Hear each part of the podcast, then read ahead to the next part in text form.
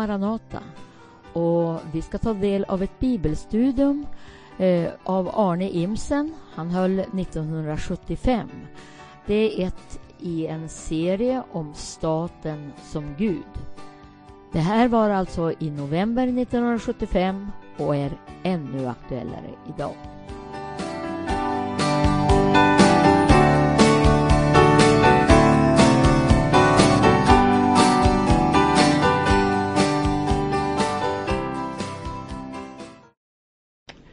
I de bibelstudier som vi har haft här tidigare så har vi slagit fast att staten icke är en gudomlig instiftelse, en gudomlig anordning. När vi har talat om det här ämnet staten som Gud, staten som Guds tjänare, staten som vilddjur, så är det ett faktum att alla de här tre möjligheterna finns. Så fastän nu staten inte är en gudomlig skapelse, så kan den alltså bli Guds tjänare. Det beror helt och hållet på omständigheter som vi också kan se i skriften. Vi ser ju hur vilddjuret exempelvis skadas till döds. Skadas till död, står det. Och vi kan av det förstå att det finns makter som också kan besegra Leviatan, eller i varje fall neutralisera. Och det, nu skulle jag vilja gå lite längre här i detaljer, därför att det ligger till på det här viset att vi successivt glider in i ett slags eh, ett, ett, ett tillstånd av eh, ja, ska jag kalla det resignation? Vi resignerar. Vi tycker att det är nästan meningslöst att försöka komma till rätta med de här problemen. Så våra, vårt förhållande till den närvarande tidsåldern och den närvarande tidsålderns maktkonstellationer. Istället för, att vi, istället för att bli fria personligheter, verkligt fria personligheter, så dukar vi under och blir slavar. Och de flesta av oss som är här är förslavade. Och det är utan att vi vet om det.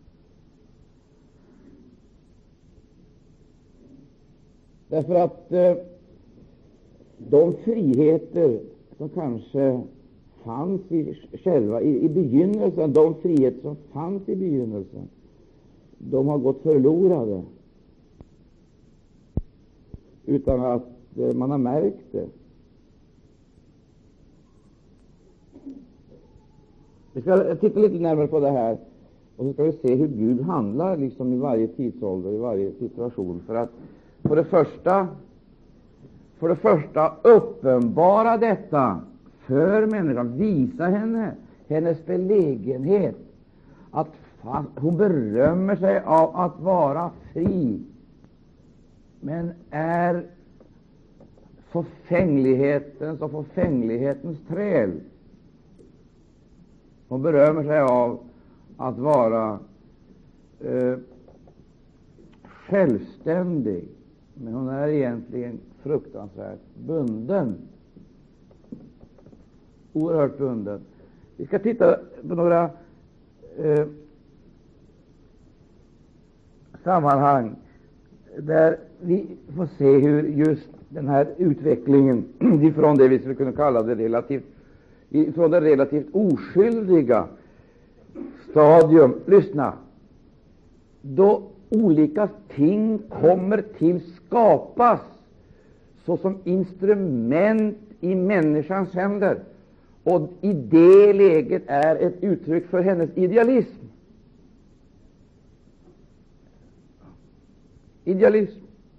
Avsikten att exempelvis besegra det ondas följder utan att ta itu med det onda.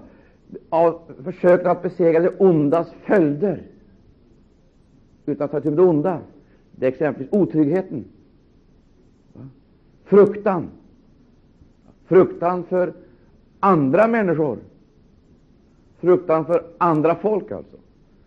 Fruktan för eh, vädrets eller elementens makter, för naturens krafter. Fruktan för, eh, eh för djuren. Fruktan för sjukdomen, för fattigdomen. Alltså, detta som finns där med där hela tiden, och hennes tappra försök att komma till rätta med det, det vill säga att försöka bygga ut allt detta utan att ta itu med det onda själv. Alltså, hon, hon, hon tar inte itu med det onda, utan hon tar itu med det ondas följder. Och då, för att ta itu med följderna, då, då, då kan hon använda sig av idealismen. Idealismen, religionen, kulturen, politiken, militär. Alltså, hon bygger hela tiden upp någonting. Hon bygger upp idealismen, hon bygger upp någonting. Ett system för att utveckla sin idealism. Religion, vetenskap, filosofi. Du möter det på det primitiva planet, du möter det på det avancerade, mer utvecklade planet. Och då hon har byggt upp system, idealismen har byggt upp system. Jag, jag vågar här, i den här samlingen vågar jag ta och nämna idealism, nykterhetsrörelsen.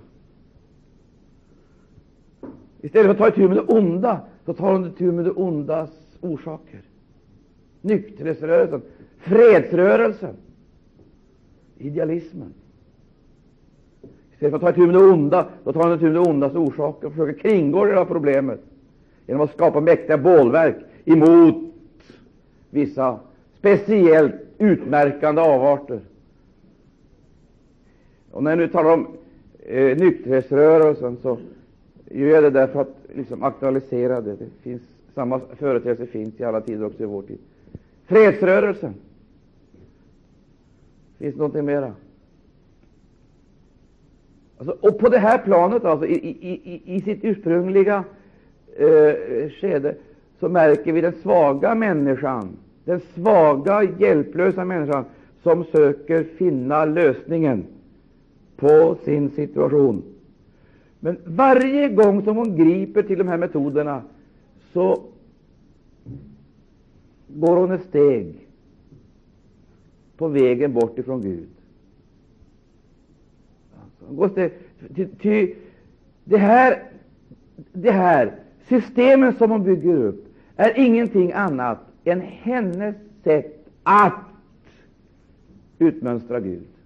Därför att hon, hon tror inte på Gud, förlitar icke på Gud, förtröstar icke på Gud. Så går vi dit igen då. Guds vilja är decentralisering. Alltså makten skall decentraliseras till individerna. Individerna har givit speciella löften, och den makten den skall förankras i familjerna. Alltså samlevnadsmönstret det finns klart och tydligt anvisat i Guds ord. Alltså, Guds vilja, det är makten skall decentraliseras till individer. Därför heter det Gå nu ut, föröken eder. Gå nu ut, föröken eder eh, och eh, bruken jorden och vårda den. Där har du uppdraget. Människan går rakt motsatta väg i sin fruktan, i sin rädsla för det onda som hon bär i sitt eget väsen. Hon känner onda och kan inte övervinna det. Hon koncentrerar istället makten till institutionerna.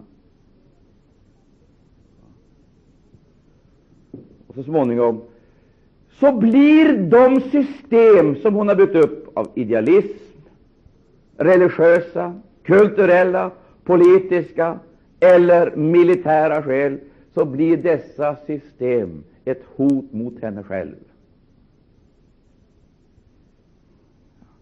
Det vill säga, systemen som hon bygger upp. Utplånar inte bara sam, utmönstrar icke samtidigt Gud, utan utplånar successivt samtidigt henne själv. Och successivt så skulle jag vilja säga så blir de här systemen en kvarn som mal sönder personligheten och förvandlar människan till en massmänniska, massprodukt, en massmänniska. Och det är denna, det jag kallar för degenererade massmänniska, som föder sina ledare, väljer sina ledare. Och det är denna massmedia, det är ut ur detta hav som också sedan Antikrist kommer. Nu säger jag någonting här som jag inte gärna vill att ni ska prata för mycket om. Man får vara lite försiktig med det här, för att det, det här är det här var allvarligt att eh, liksom kasta omkring sig. Jag har nämnt det här, idealismen. Jag, jag, jag, jag nämner det här, jag skriver till och med fred, nykterhet. Har vi något mera? Filantropiska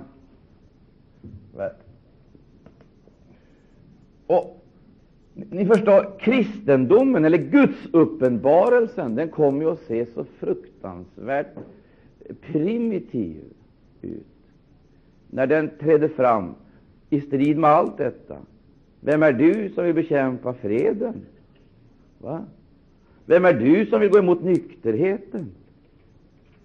Vem är du som vill gå emot filantropin? Vem är du som vill bekämpa ekumeniken, samlevnaden, vidgade samarbete? Ska vi inte nu vara glada när vi äntligen har kommit dithän att vi kan samarbeta? Så förstår vi inte det. Det här är ingen lösning på problem. Det är bara det att vi permanentar problemet vi permanentar problemet, bygger in problemet i ett nytt mönster, ett nytt system. Och när vi har byggt färdigt på det här systemet så kommer själva systemet att hota oss ännu värre än något av det tidigare har gjort. Det är själva dynamiken. Vi skapar exempelvis en fredsrörelse därför att vi tycker det är otäckt med de militära förvecklingarna och konflikterna. Människan säger vi måste få slut på krigen, och så sätter hon igång sina aktiviteter och skapar en fredsrörelse som blir farligare än själva kriget. Va? Det måste vi motivera. Blir fredsrörelsen farligare än själva kriget? Ja, men snälla ni, det är ju fredsrörelsen som kommer att föda fram Antikrist. Det är fredsrörelsen. Vad är fredsrörelsen för någonting? Det är ett försök att åstadkomma hyggliga samlevnadsformer utan fridsfursten. Det är bara ett dåligt försök att göra sig oberoende av fridsfursten.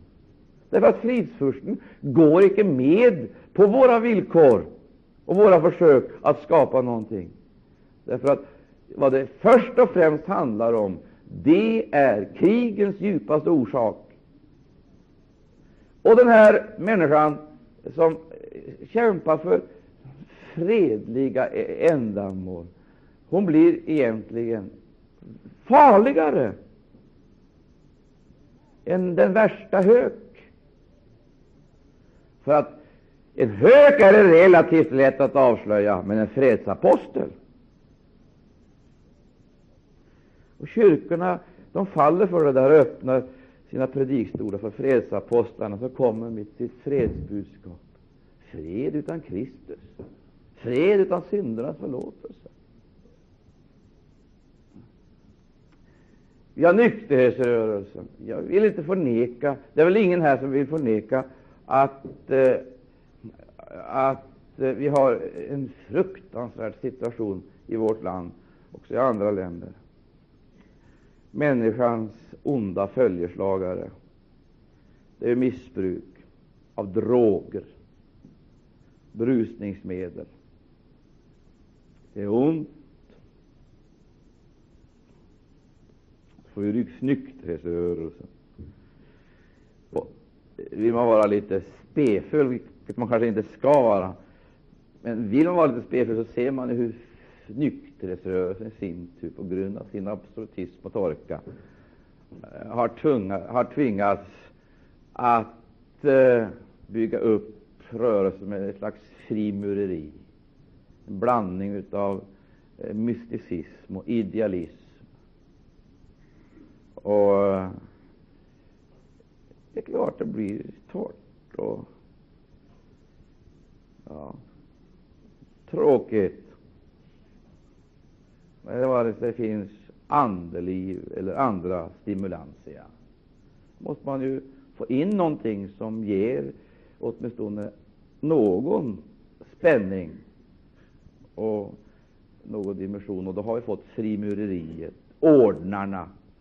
Den ena orden är ju liksom mer hemlighetsfull än den andra, tills du är invigd i de innersta hemligheterna. Det har de också fått, försökt att få över Gud. de har försökt också, också fått över Gud på sin sida för att bygga upp detta. Men hör här, lyssna här. Lyssna nu noga till vad jag säger, för det här är viktigt.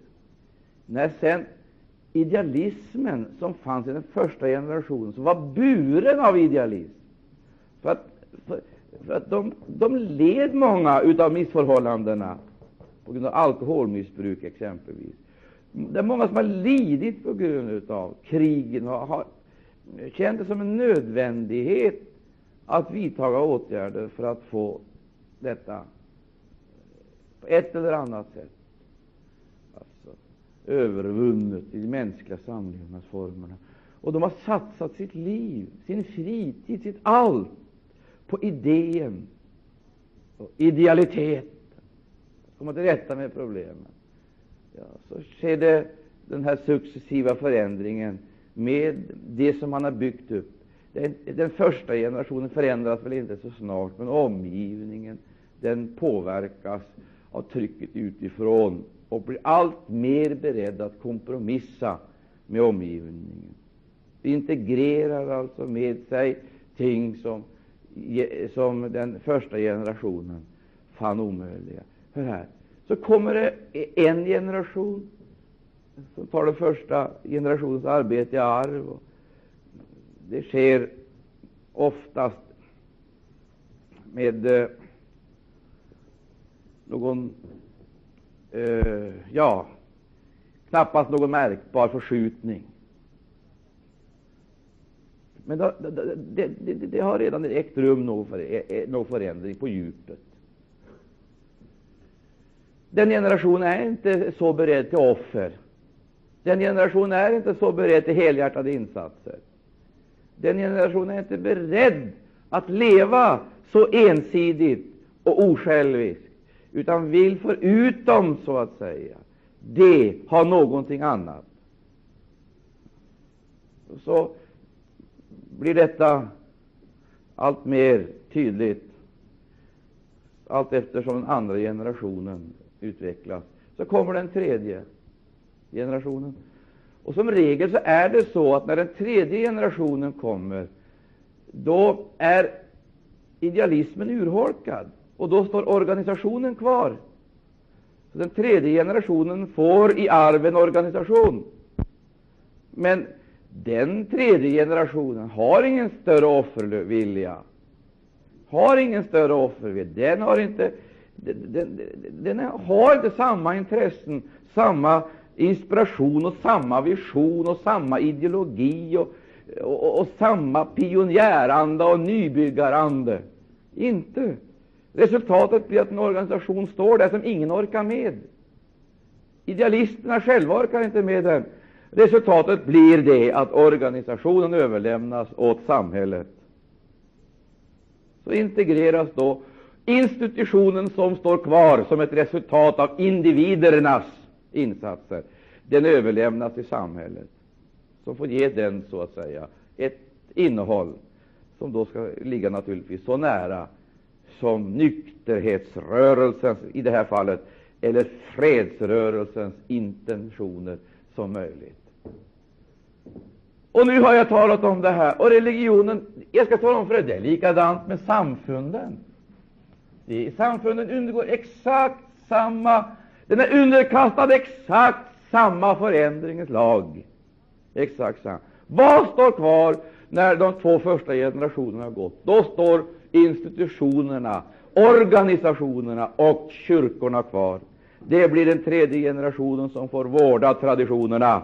Och så småningom så överlämnas kyrkan åt samhället.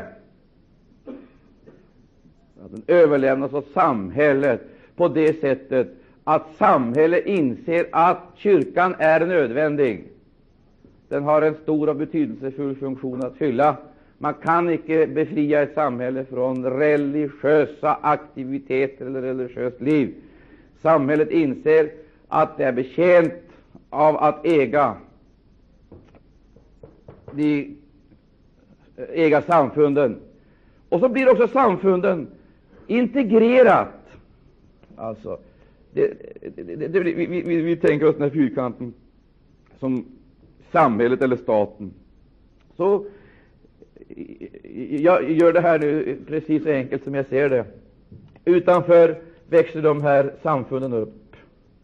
De växer upp utanför som, fri, som, som, som rörelser.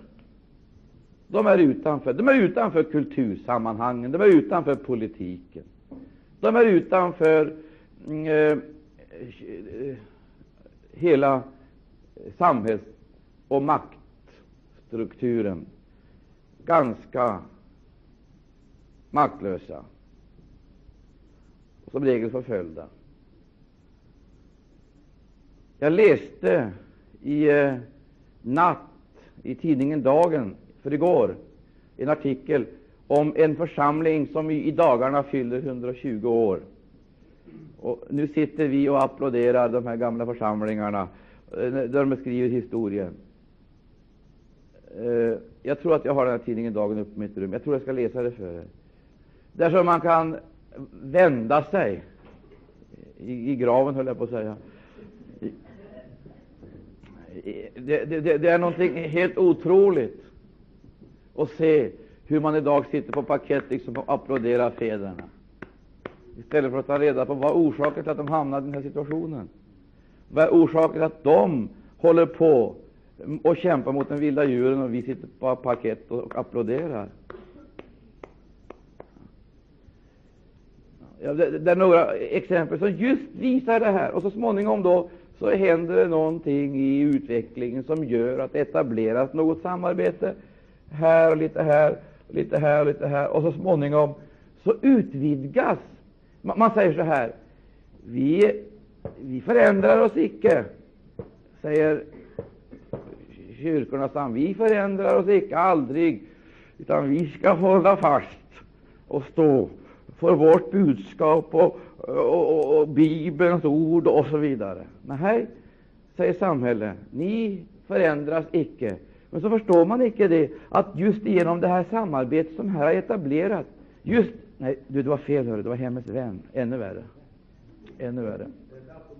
Organ för ljumma kristna. Alltså, vad som händer, det är ju inte det att de här kanske eh, eh, flyttar sina positioner det, ytligt sett så kan det se ut som om alltsammans var oförändrat. För de är ju, som man säger, lyssna på orden, man, är ju, man har ju bevarat sin identitet, säger man. Och man har skyddat sin integritet. Alltså, man har bevarat sin egenart och sin särart och sin självständighet i förhållande till staten. Vi har inte övergivit några positioner. Vi har inte svikit någonting. Vi står kvar.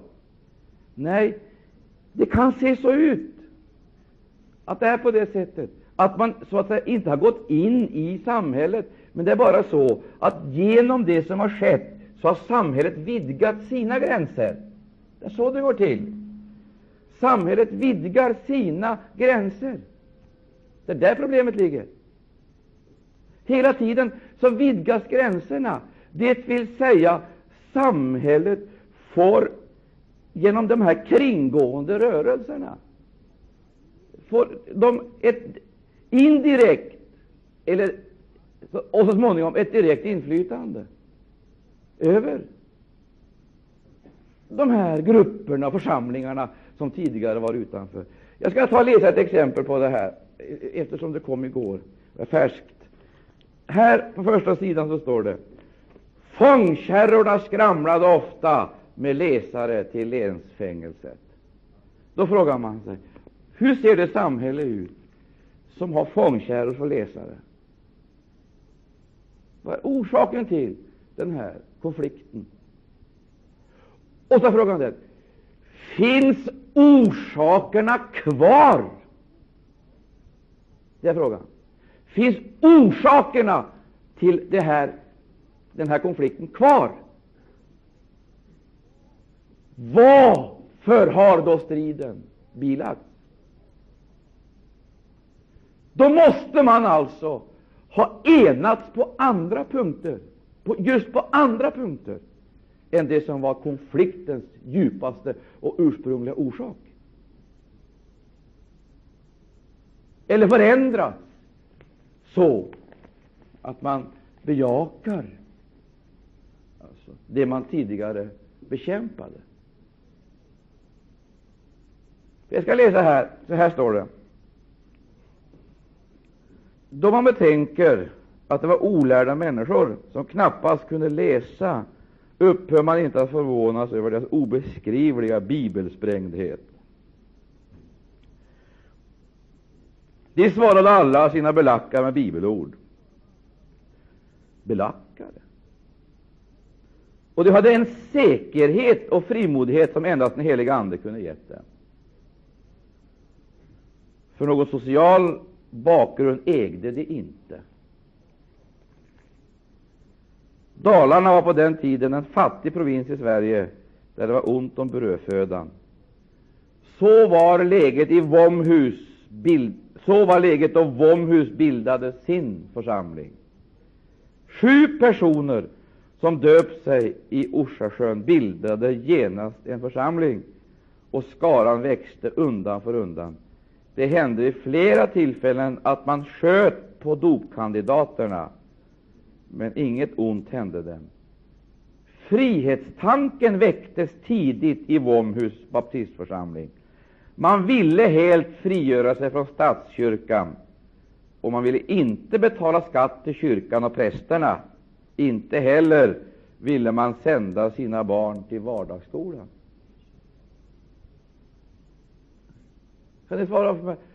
Alltså, när jag läser det här så tänker jag, jaha, det var de det. Det på den tiden det, när det verkligt onda fanns i Sverige. Men nu är det inte så ont längre. Nu har samhället blivit kristet och skolan blivit from. Då, på den tiden, var det klart att föräldrarna måste ta sina barn i vardagsskolan. Men inte idag, för nu har vi fått en utsökt fin skola. Och Det var på den tiden man sköt på dopkandidaterna. Nu skjuter man inte dem, utan nu ger man dem en gåva istället för att de döper sig. Det säga, samhället ger ju varje ny medlem 12 kronor året. Det är ju så. Frågan är vad är det som har skett? Vad, vad, vad har skett? Jag tycker det är allvarliga frågor. Vi behöver ta reda på vad har skett. Vi lägger märke till då, i, i det här stadiet, alltså, när, innan samhället hade vidgat sina gränser och så att säga, lagt det här under sig, då sa de kristna vi betalar inte skatt. Vi betalar inte skatt till kyrkan och till prästerna. Det är otänkbart. Det var den frågan. Ja. Så går utvecklingen. Utvecklingen går sin gång. Så går fram 120 år Och då är det inte längre frågan om om de kristna ska betala skatt, utan då säger de kristna vi vill ha pengar tillbaka för den skatt vi har erlagt till samhället. Så kommer då subventionssystemet. Man subventionerar verksamheten. Alltså, det har skett någonting. Och, och nu, vill jag, nu vill jag fråga er här. Förut så sköt man på dem. Nu subventioneras deras verksamhet. Och Frågan är nu den vad är det som har skett? Är orsakerna till förföljelsen undanröjda? Eller är det på det viset att den tredje generationen sålde sig alldeles för billigt? Hör här. Jag hoppas ni kan följa med mig nu här, för att det här är naturligtvis ett litet idéresonemang. Men jag är tvungen att ta upp det, för vi ska få se det här. Nu har alltså samhället flyttat sina gränser. Samhället har flyttat sina gränser. De har utvidgat, flyttat sina gränser och, jag höll på att säga, erkänt dem. Vad beror det på? På vad sätt har samhället påverkats av de här rörelserna? Det är klart att i, i en eller två avseenden har påverkats. Men i verkligheten så står samhället oförändrat kvar på sina positioner. Det har vidtagit vissa attitydförändringar som är betingade utav, utav nödvändigheten. Taktiska förändringar i det yttre, vanligtvis. Att, och det beror i sin tur på vi, vi, börjar här. Här har vi rättfärdiggörelse genom tron. De kämpar blodigt för den. Här kämpas det för nattvard. Detta att ha Eh, möten och, och, och konventiklar. Här kämpas det för dopet. Och här kämpas det för dopet i den heliga Ande. Så småningom så har de här sanningarna fått fäste, vunnit burskap, blivit erkända, blivit accepterade. Därför att i samhället finns redan en grupp, ett folk, som förkroppsligar vad det har predikat. Vad borde ske då i nästa steg? Istället då för att låsa in den här sanningen i ett sånt här organisatoriskt, i en sån här organisatorisk gigant, så skulle naturligtvis nya ting komma till, nya sanningar. Gränserna här skulle ha flyttats hela tiden. Och då den kampen uppe, då neutraliseras också folket. Spänningen går förlorad. Spänningen är gått förlorad, så försvinner konflikterna.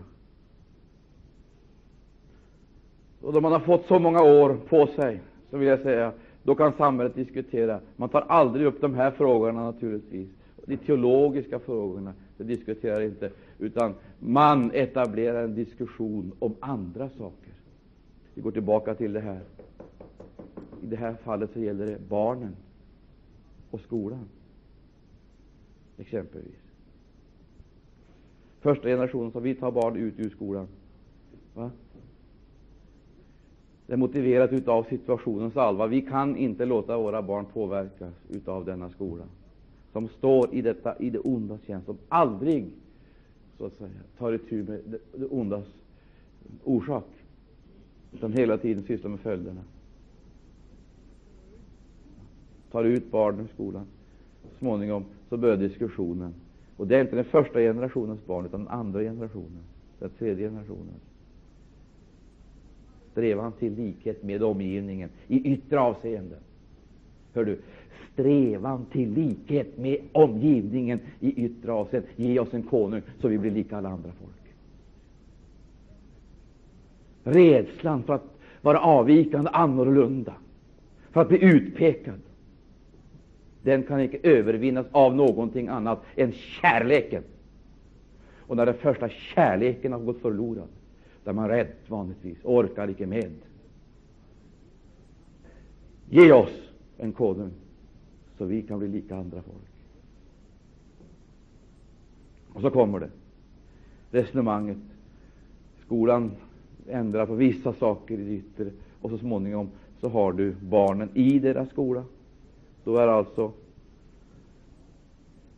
samhället har ytterligare en gång flyttat sina gränser. Nu har det brutit sig in, kanske icke direkt i församlingen, men det har brutit sig in i familjen och annekterat någonting och mördat, icke bara individer, själsligt mördat, men också mördat en princip. Du, du, du, förstår, broder och syster, du ska ha klart för dig. Det är den här generationen, den tredje generationen, som har blivit annekterad på det här viset.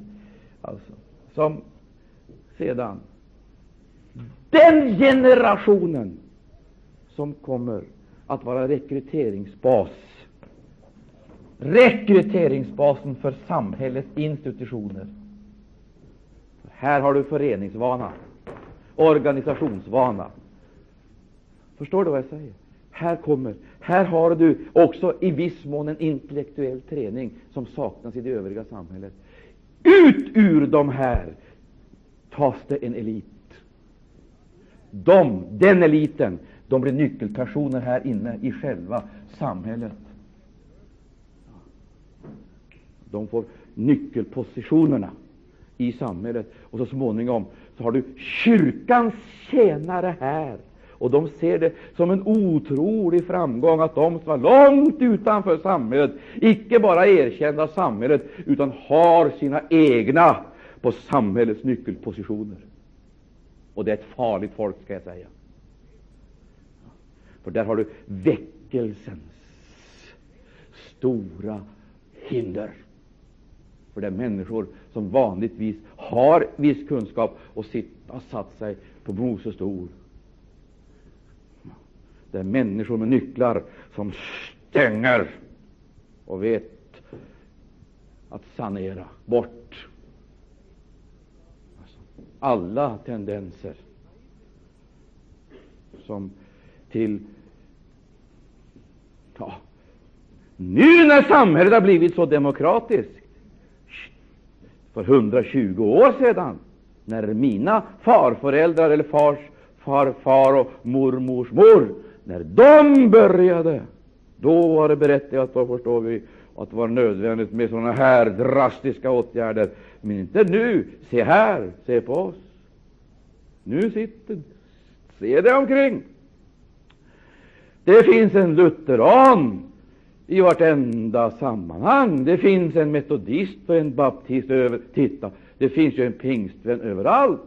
En andedöpt sitter ju överallt, i alla rådsförsamlingar.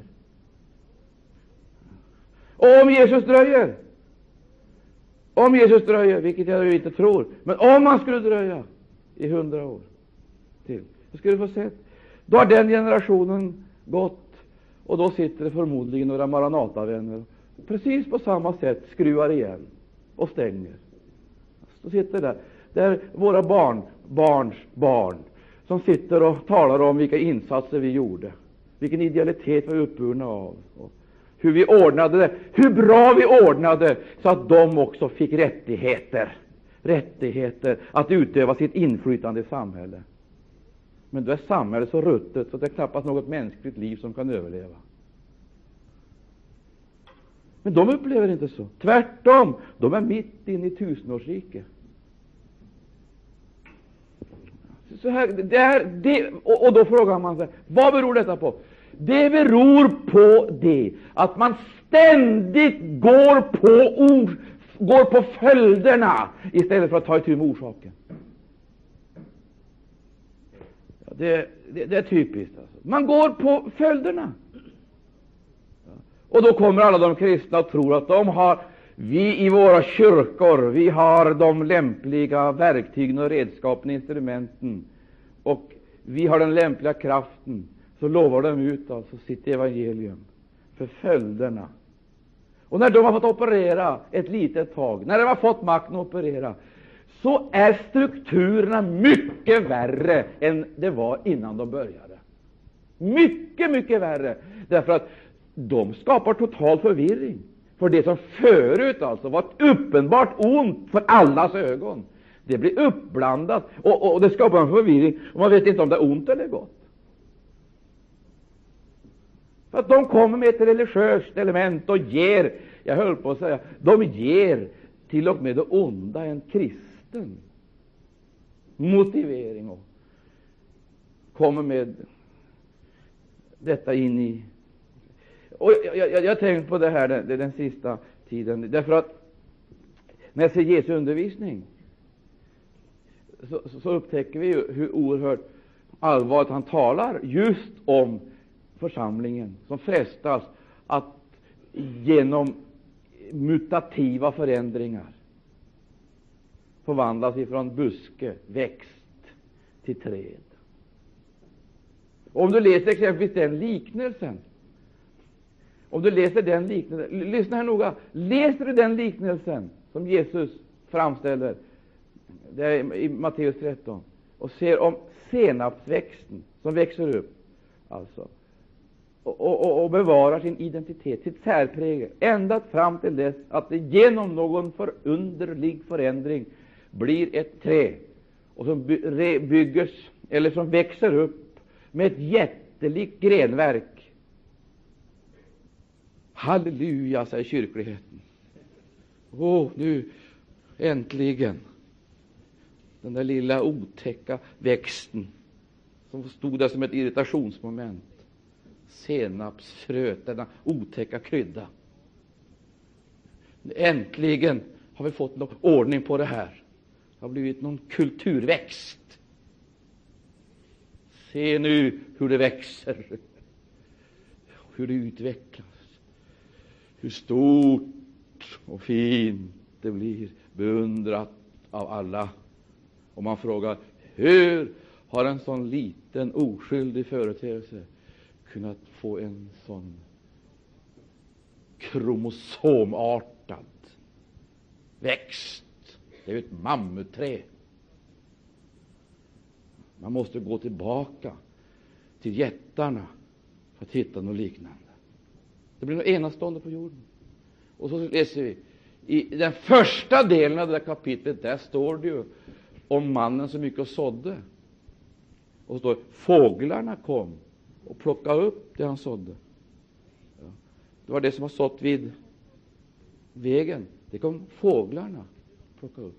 Och när vi tar reda på vilka, det är, vilka fåglarna är, så hittar vi ju att det är sataniska redskap som hela tiden är ute och plockar det som såddes vid vägen. Och där möter du motsatsen av vägen, där du det upptrampade. Alltså det bearbetade. Du lägger märke till, det står att det såddes vid det, stod, det såddes på sten, står det inte det? På berget. Där har den ursprungliga onda naturen. Men vägen, där har du kulturen. Av människan bearbetade.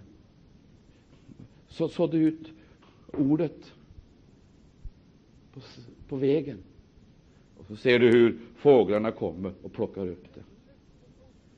Och då frågar man sig, var kom fåglarna ifrån? Det enda vi får veta, det är att det var Satans, den ondes redskap.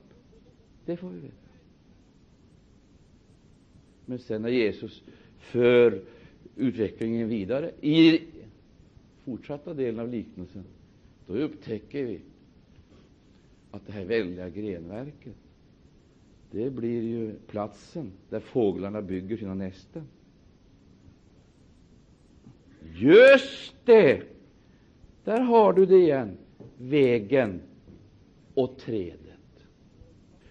Om vi läser eh, den här fruktansvärda liknelsen som Jesus framställer i samma kapitel, där han talar om surdegen tre skeppor mjöl. Alltså. Och kvinnan som kommer och lägger surdegen i mjölet. surdegen lägger man vanligtvis inte i mjölet, utan surdegen den lägger man ju i degen. Men här ser du, surdegen läggs in i mjölet. Jag, jag tycker du ska följa med den här, den här, får jag kalla det, ledvisa förändringen. För det första, innan det har blivit mjöl, så har det skett någonting. En bearbetning utav, utav seden. Först så finns det ett verktyg, ett redskap för att skörda. Så finns det ett verktyg och ett redskap för att tröska. Så finns det ett verktyg och ett redskap för att mala. Hon gick inte ut på skördefältet och smugglade in eller smusslade in surdegen på skördefältet. Det var en omöjlighet. Vad gjorde hon? Hon väntade till dess att skörden hade blivit mjöl. Skördefältet, där har du bilden av hela världen. Det är, inte, det är där hon arbetar. Hon arbetar i ladan, församlingen. Det finns alltså ett redskap för skörden när den ska skördas. Herren sänder ut sina skördemän. Om vi håller oss till den gamla bilden, använder sin lie för att bärga det in. Och när det kommit in, första stadiet, så tas det in på logen. Då kommer tröskningen. Då tröskas det. Det finns ett redskap. Tröskningen. Icke ens där möter vi kvinnan med surdegen.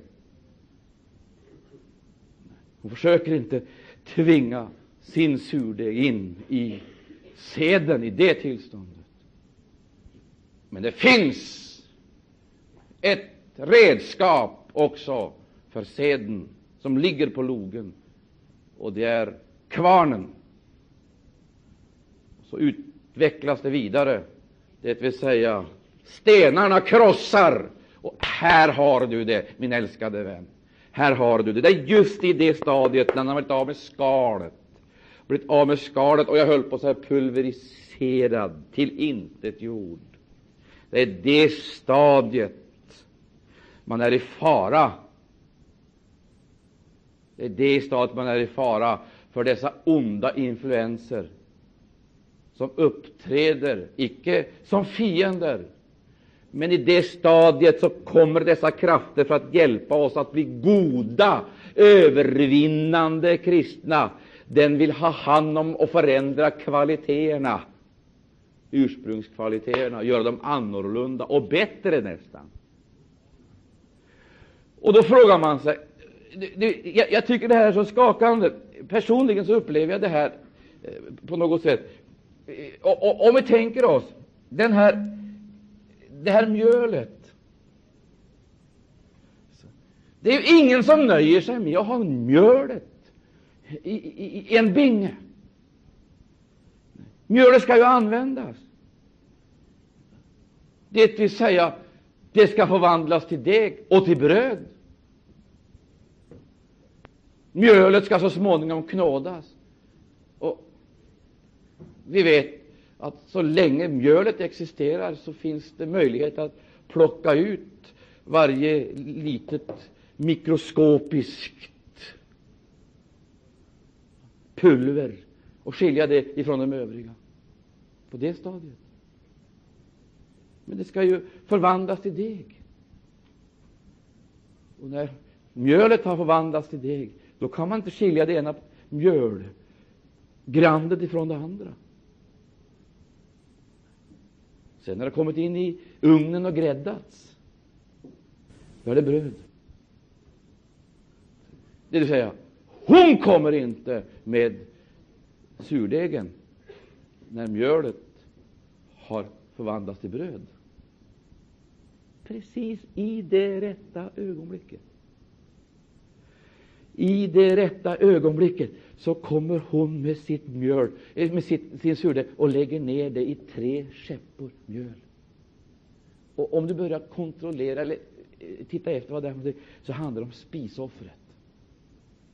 Det är spisoffret. Läser du om spisoffret, vad det är för någonting, så förstår du vad det är för operationer det handlar om. Nu går inte jag in på det där om spisoffret, det får du läsa själv. Men du kan läsa om spisoffret.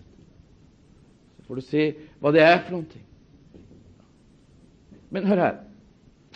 Då lägger hon in sitt, sin surdeg i mjölet. Och så småningom, vill ni svara mig på den här frågan? Så småningom så är ju hela, hela mjölet förstört. Va? Nu vill jag fråga er, när nu surdegen har trängt igenom, kan man då få ut den ur mjölet? Va? Kan man det? Kan man gå och försöka plocka ut, filtrera bort surdegen ifrån det övriga mjölet för att rädda mjölet? Kan man det? Det är en omöjlighet, ja. Vad måste man alltså göra? Det enda sättet att bevara mjölet, vet du vad det är? Det är att det aldrig kommer i förbindelse med surdegen. Men det gäller inte kornet när det står på, på skördefältet. Det gäller inte seden då det ligger på logen. Det gäller först när skalet är borta och seden har pulveriserats till mjöl. Då gäller det. Vad innebär det? Vad innebär det här? Ja, seden kan du ha på logen, men inte mjölet. Vad då för någonting? Mjölet måste skyddas.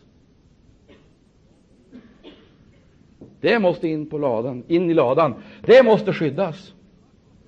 Mjölet måste skyddas ifrån alla farliga influenser. Och där har du bilden på församlingen.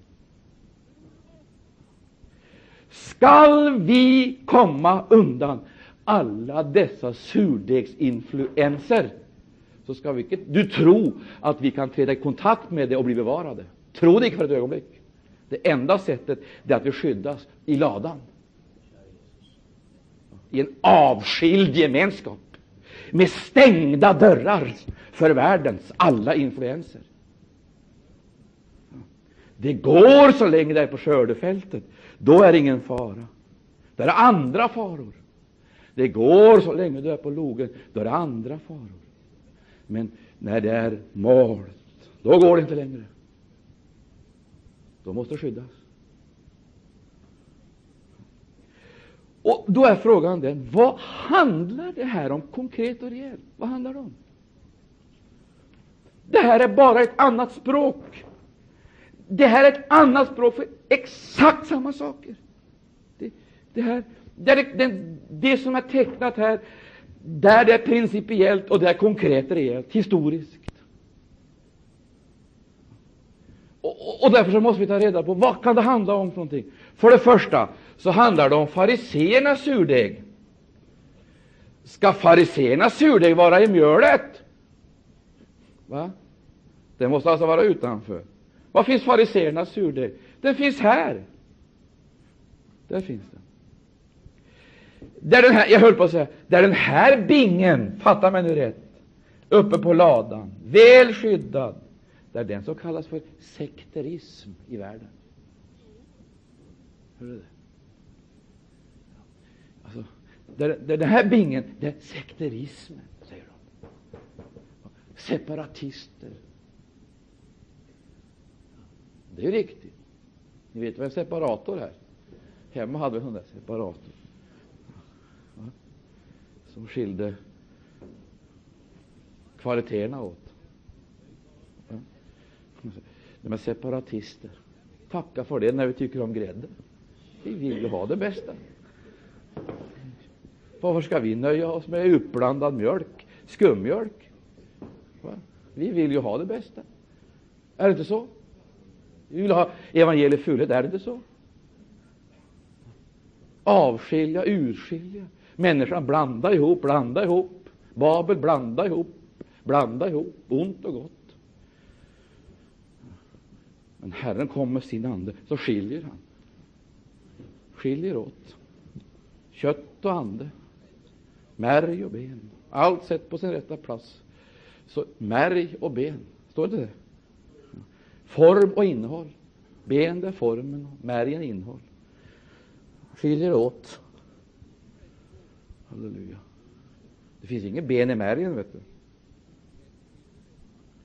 Han skiljer åt vattnet och, och, och, och jorden. Det skiljer han åt. Sant? Ljus och mörker, det skiljer han åt. Men människan och Satan blandar ihop ljus med mörker. Vi vill varken ha ljus eller mörker, men skymning. Vi vill varken ha himmel eller helvete, vi vill ha fred på jorden.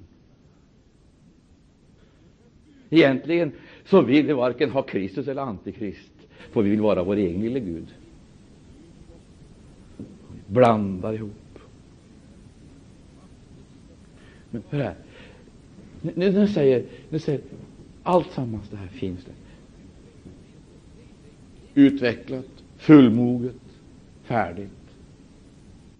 Mäktigt, imponerande. Med stolta traditioner. Heroiskt. Separatister. Och så vidare. Och det är ju många kristna idag som har komplex för det. Att de skriker sekt. Det är värsta du kan säga åt en kristen. Att den är sekteristisk. Och säger man dessutom att det är en liten sekt, då får man ju sammanbrott. Det finns ju värre. Va? Det är farligast som finns. Allt en liten, då får man ett sammanbrott. Jag tänkte på det här när mjölbingen här. Det är fantastiskt, förstår du, sammanhang. Mjölsekt. Eller mjölsäck. Av nya tiders flöden din själ är tom och trött. Fjärma dig den Gud du en gång mött. Den röst som du då hörde har dränkts av tidens brus. Du tappat spåret till din faders hus.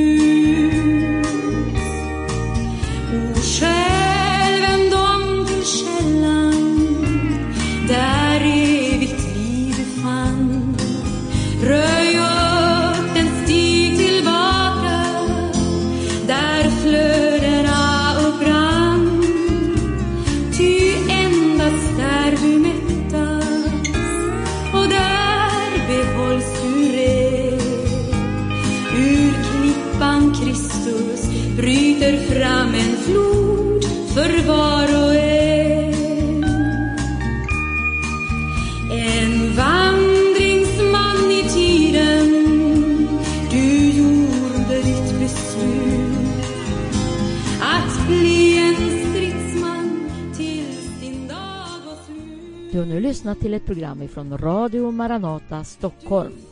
Och det var Arne Imsen som i en upptagning från 1975 undervisade över ämnet Staten som Gud. Det var ett ur en serie bibelstudier i det temat. Därefter hörde vi Kristina Imsen sjunga sin sång O själ vänd om till källan. Du är varmt välkommen till Maranataförsamlingen, Bällstavägen 100 i Bromma, där vi dagligen samlas till möten. Och eh, denna helg så har vi temadagar över Andens liv. Fredag kväll klockan 19 och lördag 15 och 18 och söndag 11, 15 och 18 är hålltiderna för dessa angelägna bibelstudier över temat Andens liv. Ring 08 98 56 83 för vidare information eller gå in på vår hemsida maranata.se så får du ytterligare informationer. Radio Maranata som sänder varje morgon klockan åtta är tillbaka igen imorgon bitti. Gud välsigne dig och på återhörande.